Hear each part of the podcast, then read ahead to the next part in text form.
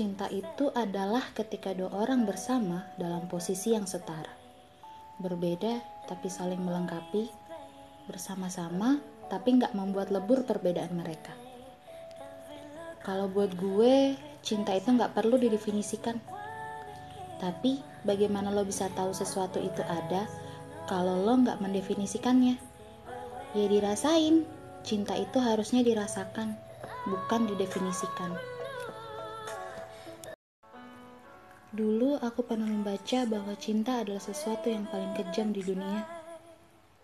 Cinta tidak kenal kompromi, cinta tidak bisa dibohongi, dan cinta tidak bisa dihindari. Kita tidak pernah tahu kapan cinta datang, karena yang kita tahu, dia bisa ada dan menguasai segalanya.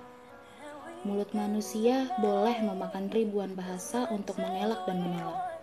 Namun, dalam hati, siapa tahu. Pada akhirnya, kita sendiri yang akan menderita, tersiksa dari dalam atas cinta yang tak bisa diungkapkan.